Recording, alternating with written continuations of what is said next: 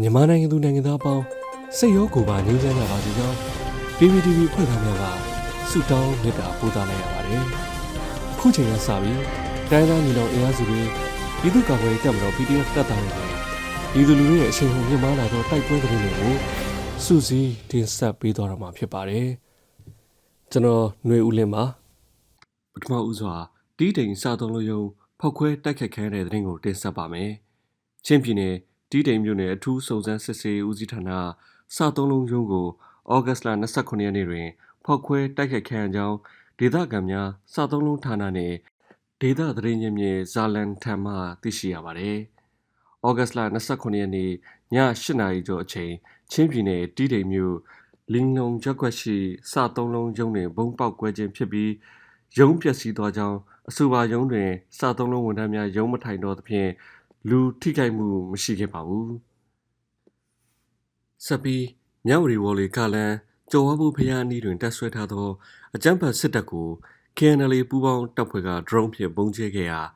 အရာခံဘူအပါဝင်နှစ်ဦးသေဆုံးပြီးငါးဦးဒဏ်ရာရတဲ့တဲ့ရင်ကိုတင်ဆက်ပါမယ်။ကရင်မျိုးသားစီယုံ KNU ကော်တူလေအုပ်ချုပ်နေမြေကရင်ပြည်နယ်မြဝတီဝေါ်လီကာလန်ကျော်ဝဘုဖျားအနီးတက်ဆွဲထားသောအကြမ်းဖက်စစ်တပ်ကို KNL ပူးပေါင်းတပ်ဖွဲ့ကဩဂတ်လ28ရက်နေ့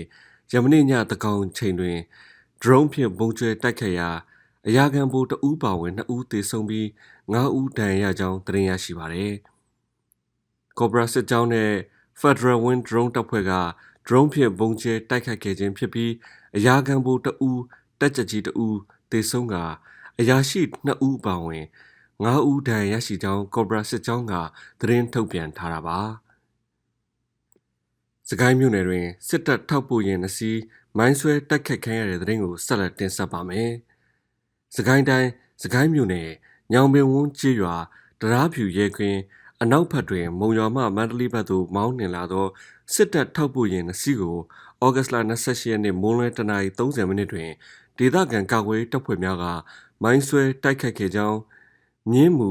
Defense Force တပ်ဖွဲ့ထံမှသိရှိရပါသည်။ အကြမ်းဖက်စစ်တပ်ထောက်ပို့ရင်စနဘင်ကားနှစ်စီးကိုမဟာမိတ်ပူးပေါင်းအဖွဲ့များကမိုင်းဆွဲတိုက်ခိုက်ခဲ့ခြင်းဖြစ်ပြီးကားတစ်စီးမှာနေရာတွင်ပင်ပျက်စီးသွားပြီးအသေးပြောက်စီးရင်ကိုတော့မသိရှိရသေးကြောင်းသိရပါတယ်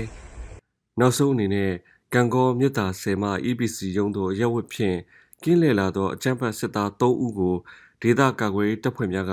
ပြစ်ခတ်ရှင်းလင်းတဲ့တရင်ကိုတင်ဆက်ပါမယ်။မကွေးတိုင်းကံကောမြို့နယ်ပြင်သာကြီးရွာနီးရှိ မြစ်တာဆယ်ဖျားကုန်းမှတဆင့်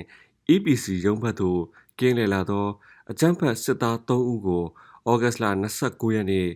ယနေ့နနက်10:00နာရီတွင်ဒေသကာကွယ်တပ်ဖွဲ့များကပြစ်ခတ်ရှင်းလင်းလိုက်ကြောင်းသတင်းရရှိပါသည်။အဆိုပါအရက်ဝတ်စစ်သား3ဦးမှာစိုက်ကယ်2စီးလက်နက်အပြည့်စုံဖြင့် EPC ရုံးတွင်သို့ကင်းလည်နေစဉ် EPC ရုံးဝ၌ဒေသကာကွယ်တပ်ဖွဲ့များကပြစ်ခတ်ရှင်းလင်းခဲ့ခြင်းဖြစ်ပါတယ်။ တေဆုံးစစ်သားများထံမှလက်နက်များကောက်ယူရန်တွားရောက်ခဲ့တော်လဲစစ်ကူလာရောက်သောကားတစ်စီးကြောင့်ပြန်လည်ဆုတ်ခွာခဲ့ရကြောင်း CDF KKG တပ်ရင်း9ကသတင်းထုတ်ပြန်ပါတယ်။